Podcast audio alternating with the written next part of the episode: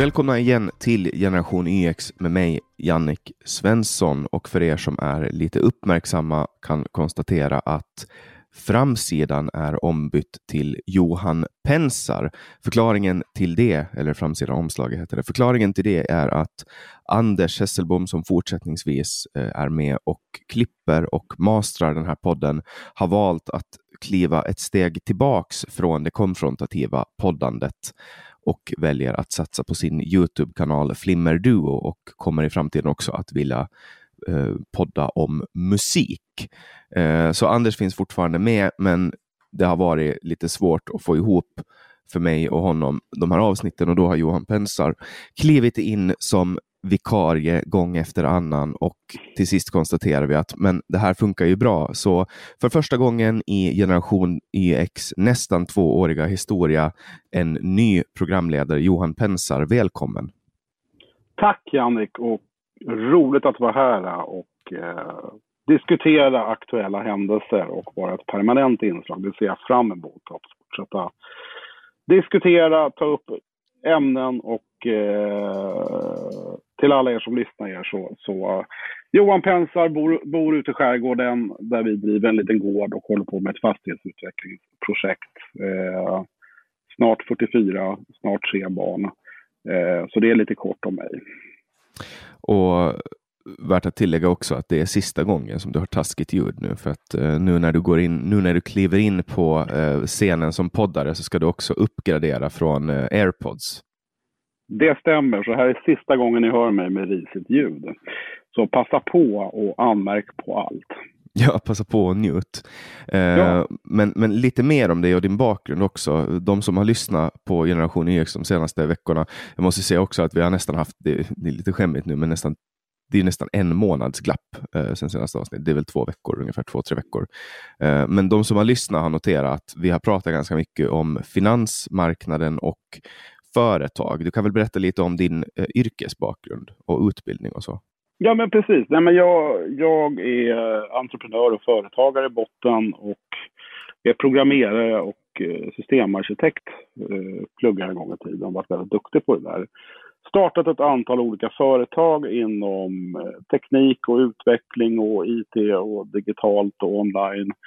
Handel och massa olika äventyr. Och den där sjukdomen började ganska tidigt för min del jag tror jag var 19 eller något när jag började då. Och driva företag och utveckla företag. Och har jobbat, då jobbade vi på Finanstidningen en gång i tiden när den fanns. Eh, skötte då redaktionella system och allt online. Och sen startat IT-bolag och jobbat både som konsult, rådgivare och investerare och eh, ja, massa olika ventures. Vissa har gått bra, vissa har gått mindre bra. Eh, drev det kanske i 12-13 år. Eh, har köpt företag och sålt företag. Sen så, så jag har en programmerarbakgrund och var väl eh, faktiskt topprankad inom det en gång i tiden. Men det där tröttnade jag på, varit med i affärsutveckling och ledarskap. Och började jobba som VD tror jag när jag var 22 eller något sånt där. Eh, så var ganska ung. Och sen fyllde jag på med lite utbildning. gick jag på Harvard Business School, deras alltså Owner President Management-program då, som är motsvarigheten till ungefär Executive MBA i, i, i tre år, eh, tre enheter då i, i, USA i Boston. Och tyckte att det här var superkul med företagande, entreprenörskap och det det blir ju väldigt mycket samhällsutveckling och finansiellt och eh, vad som händer i vår omvärld och eh, tycker den biten är väldigt kul. Och det blir ju också som i företagandet så måste man ju ta mer hänsyn till generell samhällsutveckling och eh, i dagens kaosiga värld så, så känns det vettigt att vara, liksom, ha gjort de här casen, de här globala perspektiven. Så det, det hoppas jag kunna bidra med. Och sen driver vi som sagt var en liten gård i Stockholms skärgård där vi har lite eh, nordsvenskar, pennyponny från Shetlandsponny från Skansen, lite gutefår, höns och vacklar fågelhundar och eh, nu även nötter, lite fjällkor har vi fixat, lite tjurkalvar. Eh, så där stångas jag hela tiden med byråkratin, myndigheter och eh, grannar som har fritidshus och är sommargäster. Så det är en historia i sig själv. så, så förhoppningsvis så, så ser jag fram emot att bidra med lite olika perspektiv och, och förhoppningsvis lite globala perspektiv på de olika frågeställningarna som, som aktualiseras. Så, så ser verkligen fram emot det. Och jag har ju lyckats med konststycket att byta ut en, äh, äh, du är tyvärr nu, jag, jag, måste få branda dig som den äldre herren för att det, den här podden består av två herrar och, och jag är den yngre. Och nu har du erkänt, ersatt Anders då som den äldre herren. Ni båda har ju en programmerarbakgrund och bor numera ute på landet eh, och jag skulle väl eh, påstå att ni har ganska liknande politisk bakgrund, men att eh, Anders är lite mer inne på religionskritik än vad, vad, du är. Du har kanske lite andra former av kritik, men det som är mest starkt kännetecknande för, för den här podden, tror jag, det är vår, min och Anders gemensamma kritik till public service. Jag tror inte det har gått en enda vecka de senaste två åren när jag och Anders inte har gett public service en ordentlig känga, så du kan väl eh, med ungefär eh, tre ord förklara vad du anser om vad man bör göra med public service. Eh, jag tycker man bör avveckla det. Och sen, ska det finnas ska det vara totalt oberoende. Det är alldeles för politiserat och man är i beroendeställning och det blir inte bra. Och det är min starka uppfattning. Mm. Ja, men vad bra. Då, då har vi rätt ut den frågan. Det, det, det var ett finare sätt att säga att vi ska lägga ner skiten. Um, men vi drar igång med veckans eh, rubriker. Vi har ju lite olika saker nu. Det har ju varit det, kom, det är ungefär två, det är väl två veckor ungefär som jag har samlat på mig av, av länkar. Men vi kan väl börja med att titta lite på Ukraina. Eh, McDonalds har sålt av alla sina restauranger i Ryssland. Eh, det här innebär ju inte att de inte kommer att få äta hamburgare, utan det kommer ju att bli någon annan rysk... Eh, Ryssmack. Ja, Ryssmack.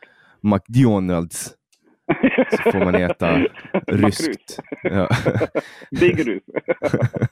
Big rus. Um, och det här är ju um, det är ju liksom 850 restauranger och 62 000 anställda uh, som ska övertas av en lokal köpare.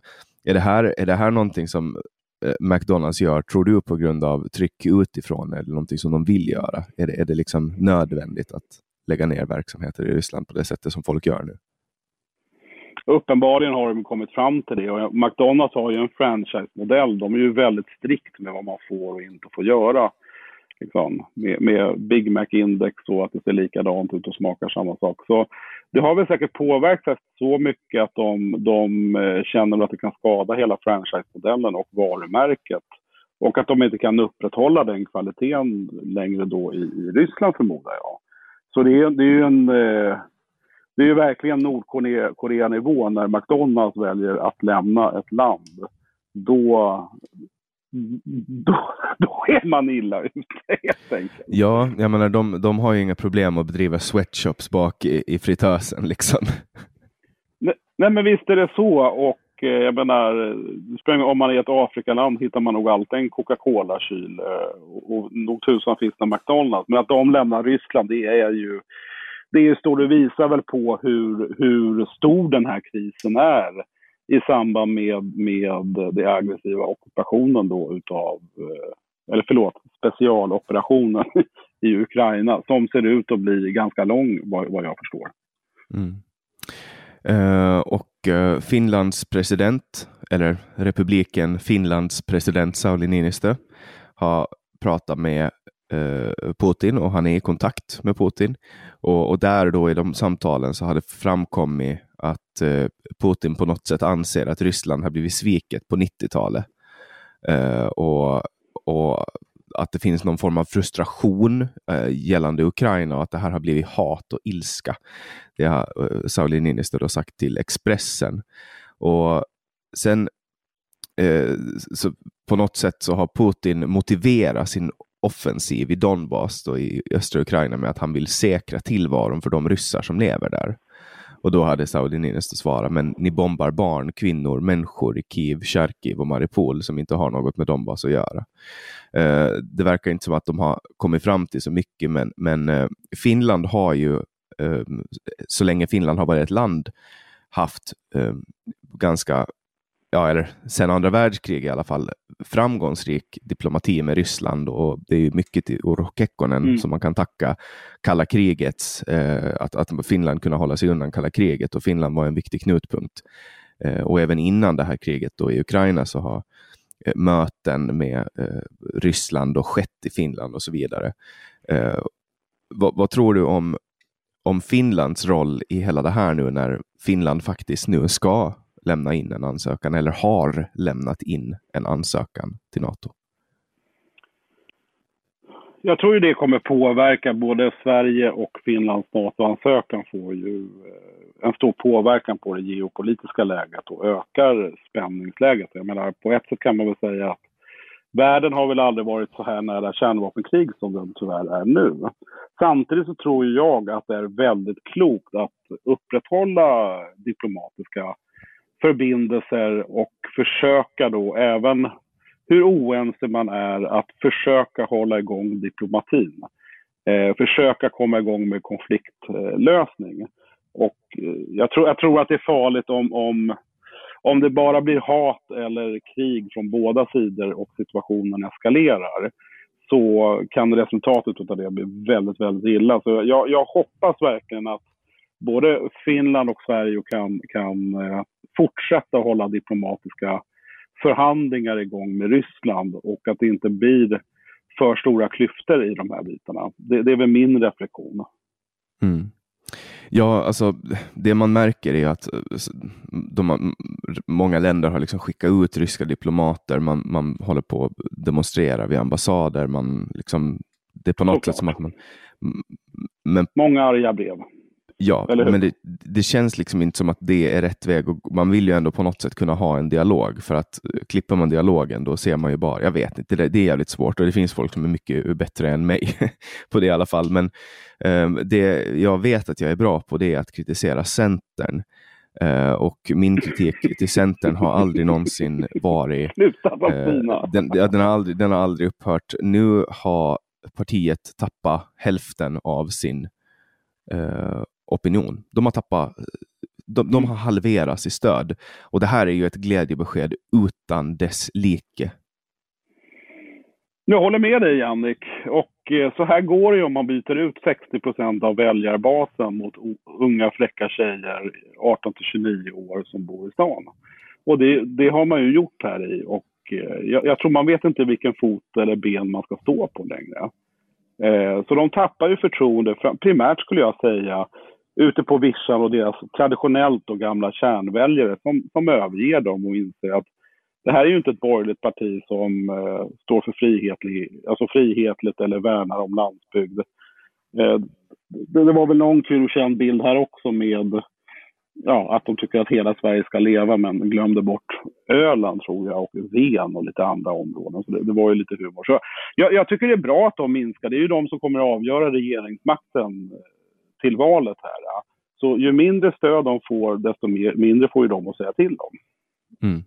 Och nu har ju de efter det här raset gått ut, eller gått ut, det har, det har framkommit till eh, källor för Expressen att, att man nu vill eh, göra en eh, koalitionsregering med Socialdemokraterna. Och nu har ju de, mm. det var ju, de har ju valt redan när de gick emot Alliansens linje, eh, för, alltså, redan det måste ju ha varit med de här 9000 afghanska, alltså gymnasielagen, eh, som, som det började hela den här centerns virvar och där man har liksom, ibland så har man stött regeringen samtidigt som man har sagt att nej, men vi är ett borgerligt parti och vi är en liberal motor och så vidare och så vidare.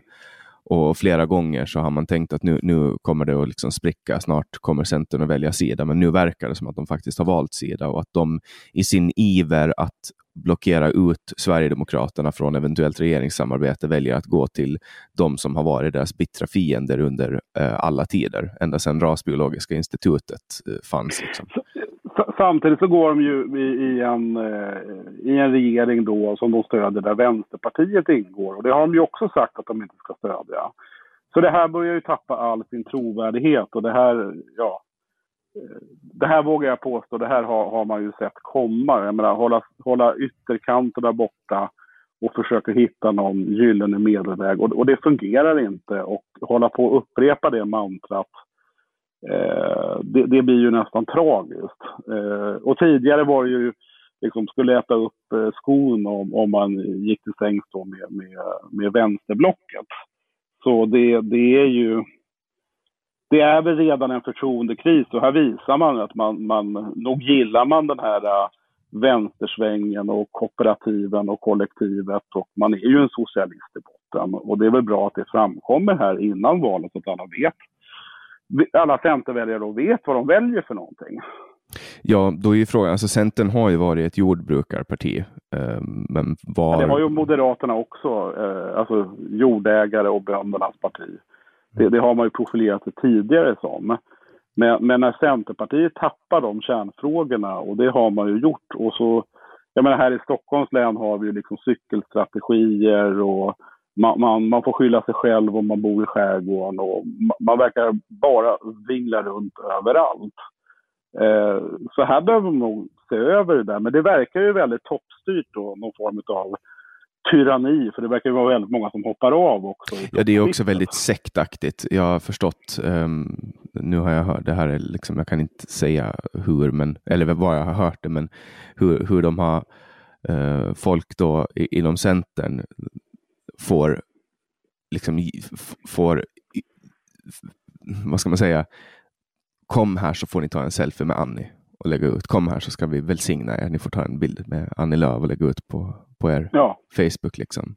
Att ja. det, det, har blivit, det har blivit någon form av personkult runt henne och hon, hon, är, inte, hon, är, hon är ingen klok person. Alltså hon, är en, hon är en person som, som hon, hon, hon är inte längre fit att styra ett, ett, ett parti som påstår sig vara för jordbrukare och för människor som bor ute på landsbygden.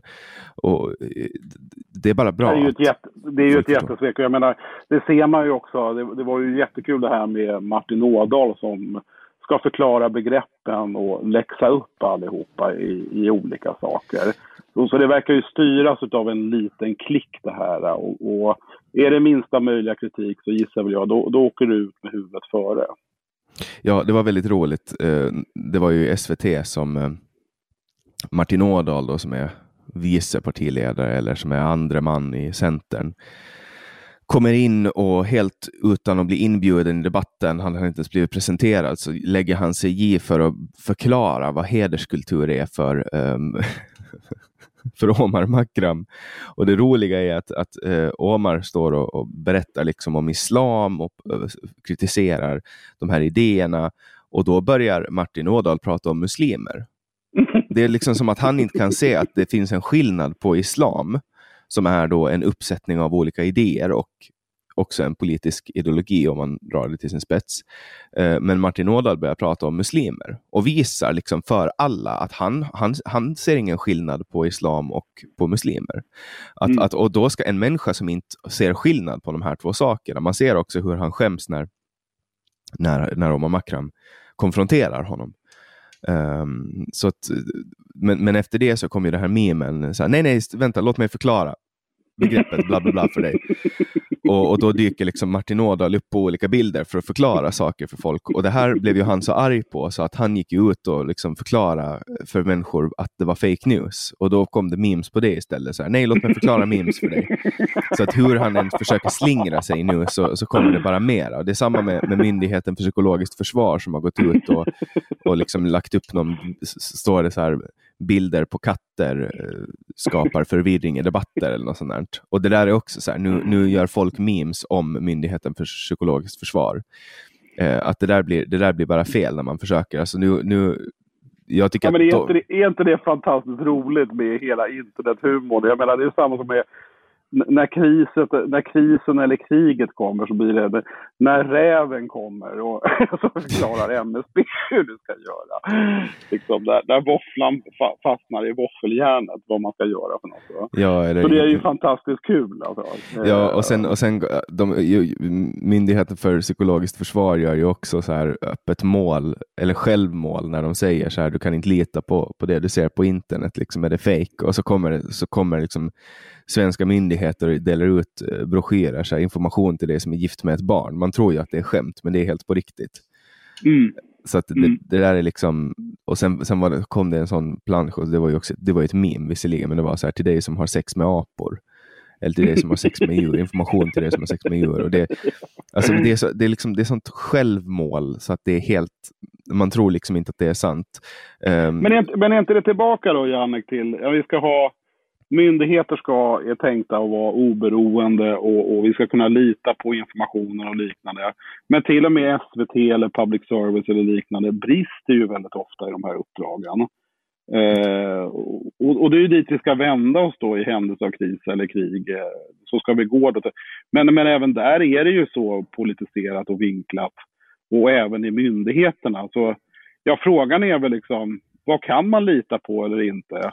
Och, och, det blir ju lite lustigt att så fort ett annat narrativ än, än det som över, överheten och, och liksom, politiken säger är det rätta narrativet, då, då, då faller ju det här när verkligheten kommer ikapp. Mm. Ja, och verkligheten har ju också kommit ikapp för sossarna eh, som vill utreda återvandring. Eh, och, och det här framkommer då i ett eh, protokoll från ett regeringssammanträde. Sen går Strandhäll ut och blir arg eh, på det här på Twitter och blir konfronterad med att shit, hon har faktiskt varit med och gjort det här. Eh, fattar det här beslutet att man ska utreda återvandring samtidigt som hon går ut och säger att andra människor som försöker göra politik och valrörelse på återvandring är rasister och hemska barnätande nazister. Liksom. Eh, mm. Men verkligheten verkar ha kommit ikapp för dem därför att nu vill sossarna fasa ut flerbarnstillägget till exempel. Det här är någonting som Sverigedemokraterna har pratat ja. om i många, många år. Mm. Uh, och då he helt plötsligt så sitter liksom Eva Nordmark då, som är arbetsmarknads och jämställdhetsminister och säger att man ska inte skaffa fler barn än vad man kan försörja. Men för några år sedan då var det ju Sverige... Rasist och ja, och hela den biten. Och det är mänskliga rättigheter och så vidare. Och nu nu, är det, nu vänder det, men det är för att de ser att det här, den här, alltså de här problemen, det går liksom inte att skjuta det under stolen längre. De enda som, nu, till och med sossarna har börjat erkänna det. Alltså skulle man ta det här som sossarna säger nu och så skulle man ändra om till Sverigedemokraterna eh, istället, mm. man skulle byta ut dem mot mm. Sverigedemokratiskt namn och så skulle man visa det för, för sossar eh, för, för fem år sedan, man skulle gå tillbaka i tiden och visa upp det, då skulle det här vara liksom rasistiskt. Det skulle vara så rasistiskt och människofientligt och invandrarfientligt och så vidare. Sossarna är egentligen, de, de, är ju så pass smarta att de fattar att nu har opinionen vänt, men då låtsas ja. de som att de alltid har tyckt det här. Centern tappar, tror jag, på grund av att de, de fattar inte det här. Alltså Martin Ådals programvara i den här SVT-debatten är den är gammal. Den är från 2009, 2010 den, den, är liksom, den är så ouppdaterad och gammal. Det är som att lyssna på en gammal sprakig skiva som, som mm. liksom återupprepar sig. Och, mm. Uh, ja, men det, det, ska man ju faktiskt ge sossarna. De, de är ju extremt duktiga på att... Där opinionen, ta bara NATO-frågan. Det, det, var ju o... Oh, herregud vad, vad man var emot det då. Men det svängde man om och sen accepterar alla där att det är de som sitter på makten och avgör frågan. Och pang så, så trummar alla ut att det här, det här är ju bra. Liksom. Och, och så ser vi samma sak, att de, de tar Sverigedemokraternas politik och att Sverigedemokraterna och Socialdemokraterna, de ligger nog ganska nära i många frågor. Det är ju bara att titta på LO-medlemmarna. Eh, de flesta är ju Sverigedemokrater, så jag vet inte om det finns några arbetare kvar där. Men, men återigen så, jag, jag, håller helt med dig Annika, att och, och, nu tar man de här förslagen och gör till sina och då, då legitimerar man den biten. Medan det var ju det, det, var ju jätteextremt för ett par år sedan. Så det, det, det är ju lustigt hur de här narrativen och, och liknande svänger så pass fort. Eh, ja, Samt, alltså... sa, sa, samtidigt som det då är, är, är legitimera det som var helt otänkbart blir helt plötsligt det, det nya. Och de är ju jäkligt duktiga på att hålla ihop där och, och få ut det i sina propagandakanaler. Ja, så för några år sedan var ju folkräkning otänkbart och nu har ju faktiskt Socialdemokraterna, om en genom ett misstag, röstat igenom eh, folkräkning. Men kollar man hur, hur liksom Socialdemokraterna flyttar in på eh, Sverigedemokraternas retorik nu och tar deras eh, idéer helt enkelt om hur man ska bygga Sverige. Eh, det som händer då i det tomrummet, det är att MP eh, går in och som de gör då, handlar på second hand, börjar använda gamla slogans som mm. eh, Socialdemokraterna ha, har gjort förut. Och nu har de börjat använda det gröna folkhemmet. Som, och, och det här är någonting, det här är någonting som, som Göran Persson införde. Och då säger Märta Stenevi då på en eh, på, på, någon konferens eller var, var, hon nu har varit så säger hon citat, ingen ska lämnas efter när vi bygger det nya gröna folkhemmet, alla ska med. Va? Alltså hör du? Det är, mm. det är, de, har liksom tagit, de har tagit två gamla sosse-slogans och kastat ihop det. Och, och det, är så här, det här är liksom ingen... Alltså så här, man kan titta på det här och bara, ja, nu gör de så här, men sen bryr sig inte folk. Men det, det Miljöpartiet håller på med, med nu är att de, de liksom, nu märker de att shit, det här funkar inte. Uh, vi har liksom bytt ut till... Ja, och så, och så börjar de använda det som har funkat förut, för det funkar ju på 90-talet eh, funkar Gröna folkhemmet och valet 2006 så funkar Alla ska med. Eh, det kommer, till och med jag kommer ihåg det, fast jag var ganska ung då. Eh, och nu liksom, ja men de bara tar det rakt av. Eh, så att Socialdemokraterna för att behålla makten flyttar Socialdemokraterna mera mot mitten till höger. Och för att Miljöpartiet ska kunna liksom behålla sin riksdagsplats så flyttar de också till höger. Det känns som att alla flyttar högerut nu eller mera mot mitten. Medan, medan eh, samtidigt Moderaterna, liksom, alltså så här, det, det, går, alltså så här, det som har hänt sedan Sverigedemokraterna kom in i riksdagen, det är, någon, det är, liksom, det är ett långt vakuum där man har liksom slagit ut hela bestämmande och beslutsrätten i Sverige och demokratin på ett sådant sätt som har gjort att ingen får det de vill när de röstar. Alltså ingen människa mm. har varit nöjd sedan valet 2010 eller 2011. 2010 var det va? Uh, och, och nu har man liksom det här har gått så, det är så absurt nu så att det som händer framför ögonen på människor, det är liksom samma sak med Miljöpartiets nya coola ungdomliga retorik när de skriver att de ska göra kaos med folk. Um, de ska göra kaos med alla som tänker stå i vägen för klimaträttvisa. Och, och, och de ja, har liksom... Det får man väl säga, Jannica, att de redan lyckats rätt bra med det kaoset. Menar, om alla ska med i, i någon hydda ute i skogen där man har stearinljus och häst och vagn så, så vet jag inte hur bra det blir för att dissa ur det lite grann. Men, men jag håller med. Men, men tror du då, Jannik, att väljarna hänger med de här snabba och att man, har, man saknar helt kraft att förnya sig inom de etablerade politiska partierna? Alltså, det, Centern äts ju upp nu till fördel för Socialdemokraterna och Sverigedemokraterna. Så jag tror inte att det man har pratat om, att Sverigedemokraterna kommer att minska i opinion. Jag tror tvärtom att de kommer att behålla eller öka. Eh, det kanske också Socialdemokraterna gör på bekostnad av Centerpartiet. Miljöpartiet kommer nog att åka ut för att de kämpar verkligen. Alltså de som har skadats mest av decemberöverenskommelsen och JÖK-överenskommelsen, det, det är uh, vänsterblocket. De har, de har liksom skadats mest. Men sen har Socialdemokraterna... Men lägger du, in, lägger du in Centerpartiet och Liberalerna i samma block? Ja, ja, ja, gud ja, ja. absolut. För de är ju nästan helt marginaliserade då. Ja, och, och det, här är, det här är på grund av dö och gök. Uh, vilka mm. jävla förkortningar för övrigt. Men, men... Ja. det känns som bara i skogen, göken ska dö. Ja, eh. man, man, hör ju liksom på förkortningarna vad, det här, vad är det här. Liksom. Nej, men, och, och allt det här handlar ju om att man, man ville liksom inte låta Sverigedemokraterna vara med och leka. Jag bara, jag bara tänker så tänk om man skulle ha gjort som man gjorde i Finland med Sannfinländarna, att man bara bjöd in dem i regeringen från början och så skulle de ha fått förgöra sig själva eftersom de inte var regeringsdugliga. De hade ingen parlamentarisk eh, mogenhet och de hade ingen regeringsduglighet och då bara förgör de sig själva istället. Eh, på ett sånt Men det, och det, håller, det hade ju varit det mest, för jag tror inte Sverigedemokraterna är särskilt regeringsdugliga överhuvudtaget om de hamnar i en, i en maktposition. Då. då går ju de bort sig relativt fort i min bedömning. Ja, men idag så är de ju mer regeringsdugliga än vad de var 2010. Så är det. När de blev så, så stora.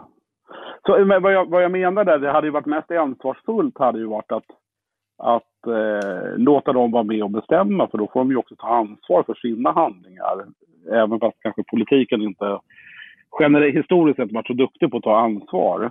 Men, men, men eh, jag håller med, men det visar ju på hur tramsigt det här har blivit. Jag menar bara, ta hela regeringsbildningen 2018 när de springer runt med några papper som de inte får visa för någon annan. Och och har massa punkter med massa grejer. Det, det gick ju käpprätt åt helvete allt det där. Och, och sen alla regeringskriser och att, att när världen nu har riktiga kriser, både med krig och pest och liknande, så, så, har, så är man ju inte beslutsmässig. Mm. Och så har man också en, eh, en statsminister som inte är vald av folket. Så är det. Eh, och det är också en sån här grej som, som man bara har. Det är ganska viktigt ur mitt perspektiv i alla fall att en statsminister ska vara vald av folket. Och nu har man liksom att, att man överhuvudtaget går med på att man ska regera på en borgerlig budget.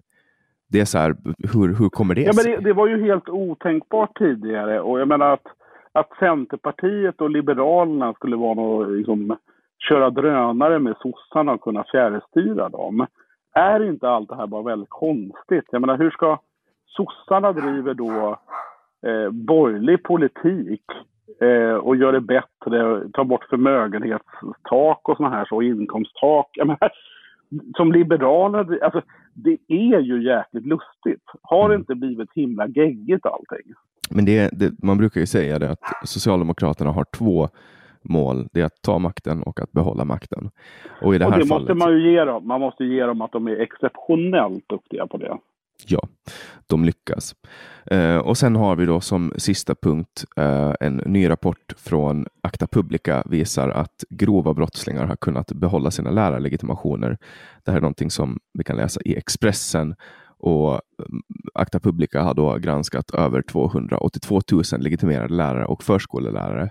Och den här kartläggningen visar att 7 000 av de här har dömts för olika brott, varav ungefär 200 har domar för vålds och sexualbrott. Eh, och många har fått behålla sina lärarlegitimationer. Och jag menar, vi har redan problem med eh, lärare. Folk vill inte jobba som lärare. Eh, det är för lätt att komma in på lärarlinjen. Du behöver bara gå till högskoleprovet och liksom kryssa i allting helt på random så kommer du in. Eh, och, och sen då så har man liksom brist i de här kontrollerna. Och det här känns ju inte så jävla bra. 300 legitimerade lärare har på olika sätt koppling till politisk eller religiös extremism till på det. Eller organiserad brottslighet. Det var ju skrämmande läsning det här Jannik. Den, den eh, skrämmande. Att man inte har bättre kontrollsystem. Jag menar de som utbildar kidsen och liksom framtida generationer. Eh, och att, att man har så dålig kontroll. Det, det, det förvånar mig faktiskt. Och jag menar, det är väl att man då, då är väl inte läraryrket intressant längre. Men, men det, är ju, det är ju otroligt att, att, de, att det inte finns bättre kontrollsystem i det här. Ja. Det säger det också... väl lite om det svenska skolsystemet, hur skicket är där. Ja, det är också bara Skolinspektionen som kan skicka ärenden till lärarnas ansvarsnämnd. Uh, ja. Och, och, och, det är lite så här, det känns ju lite konstigt för att då hamnar ju det på Skolinspektionen att avgöra um, vilka anmälningar de har fått in från då eh, föräldrar och eh, elever, vem de ska skicka vidare till lärarnas ansvarsnämnd. Sen har också domstolar en skyldighet att skicka vidare domar eh, mot legitimerade lärare då, som rör vissa typer av brott direkt till Skolinspektionen. Men men uppenbarligen om det är 200 som är dömda för vålds och sexualbrott som fortfarande jobbar kvar och ytterligare då 300 lärare som har koppling till politisk eller religiös extremism då, eller organiserad brottslighet. Menar, det finns en bild i det här reportaget då, som finns på Expressen, en bild på en, en manlig lärare som står och heilar. Mm. Och det känns ju Nej, men det, är, det är ju superallvarligt och det visar den här naiviteten med de här olika angiverisystemen eh, som finns i Sverige. Och, och den här naiviteten, istället för att kunna ha det kanske är rimligt då att man gör någon form av registerkörning eller kontroll på de här bitarna. I syfte då att inte få, alltså ta, ta bort de här värsta fallen. För det, det, det, finns väl en ökad risk att, att, att eh, med återfallsförbrytare eller liknande. Så det, det, här, det här känns ju otroligt naivt, hela det systemet. Mm. Det måste ja. ju göras om. Det, det, måste ju tas tag i. Eh, och det är ju lustigt att, att ingen har uppmärksammat det här tidigare. Eller liksom, har man varit tyst i allt det här då? Eh, och, och, ja, Nej, jag, jag, tycker det är för jäkligt. Det är jäkligt tråkigt. Jag menar, det, det kan man väl bara tänka sig själv liksom, med sina kids. Eh, skulle hamna i den typen av situationer. Och, Och, och så upptäcker man då att ja, det, det, är en, det är en gammal radikaliserad IS-terrorist här som, är, som har blivit gympalärare eller kör religionskunskap. Den skulle ju kännas det... lite ofräsch. Faktiskt. Och man, det där borde man ju, alltså så här, ja, speciellt när det kommer till sexualbrott mot barn, då borde man inte, man borde inte ja, få det, jobba med barn om man har en historia av att man vill våldta barn. Ja, men det är väl, det är väl som mig som är så frosserimänniska med godis. Jag kanske inte ska jobba i en godisbutik. Jag skulle väl stå och gnaga där hela tiden då. Men, men jag menar, Fast å andra sidan ju... kanske du skulle tröttna. Nu ja, tror jag inte man kan applicera, man kan inte applicera det här på våldtäkt mot barn. Eller, nej, nej, nej, nej, men jag menar det, det är väl jäkligt onödigt att ta den typen av risk. Och ska man göra det så måste man ha utökade kontroller för att säkerställa att barn inte blir lidande i den biten. Det känns ju också rimligt att ja, men ska vi ha en grov sexualförbrytare som ska hantera kidsen, ja, då kanske man behöver lite mer kontrollfrågor och kontrollsystem med den biten och inte bara, ja men det där fixar väl, det här, det här kommer säkert bli bra. Mm. Ja, men det är otroligt naivt och, och det, det, är så tråkigt när de här granskningarna görs och man ser då resultatet som, som alltid är hyfsat nattsvart. Ja, jag men, men jag tänker ju att man, man från Socialstyrelsens håll kanske kan utforma en blankett eh, med titeln till dig som har lärarlegitimation men också gillar att våldta barn. Och, och i den så kan man skriva Eller att... återvändare från IS-terrorist och är radikaliserad. Ja. Ja, men, ja. Jo, men allt, allt startar ju med en blankett. Eh, men, jag, menar... Det är krafttag, krafttag som det heter på socialdemokratiska. vi måste ha en utredning först. Låt oss utreda blankettens blankettkonstruktion. Eh, för att prata lite byråkratiska. Nej, men givet då hur, hur allvarligt de här bitarna är så är det ju otroligt naivt. Och det kan inte saknas styrsignaler på att det kommit in olika incidenter där man ser sådana här strukturella problem. Från, från lärare eller från skolor eller liknande. Men ändå så blundar man för allt. Mm. Ja. Det, ja. Uh, och, och, på den tråkiga, ganska tråkiga noten så får vi, får vi lämna här idag. För, får hoppas på att det händer någonting. För det här, det här, så här ska det inte vara. Helt klart. Så jättestort tack Johan uh, för ditt första avsnitt som ordinarie. Tack så hemskt mycket och tack för alla ni som har lyssnat på det här avsnittet. På återhörande. För er som tycker om Generation YX får gärna dela det här i era kanaler och berätta för era vänner att nu är Johan Pensar här och ni får också gärna höra av er till Anders och tacka för alla avsnitt och tacka för att han fortsätter eh, mastra och göra ljudet så fantastiskt bra på de här avsnitten. Och tills vi hörs igen, tack så jättemycket. Jag heter Jannik Svensson och du har lyssnat på Generation YX.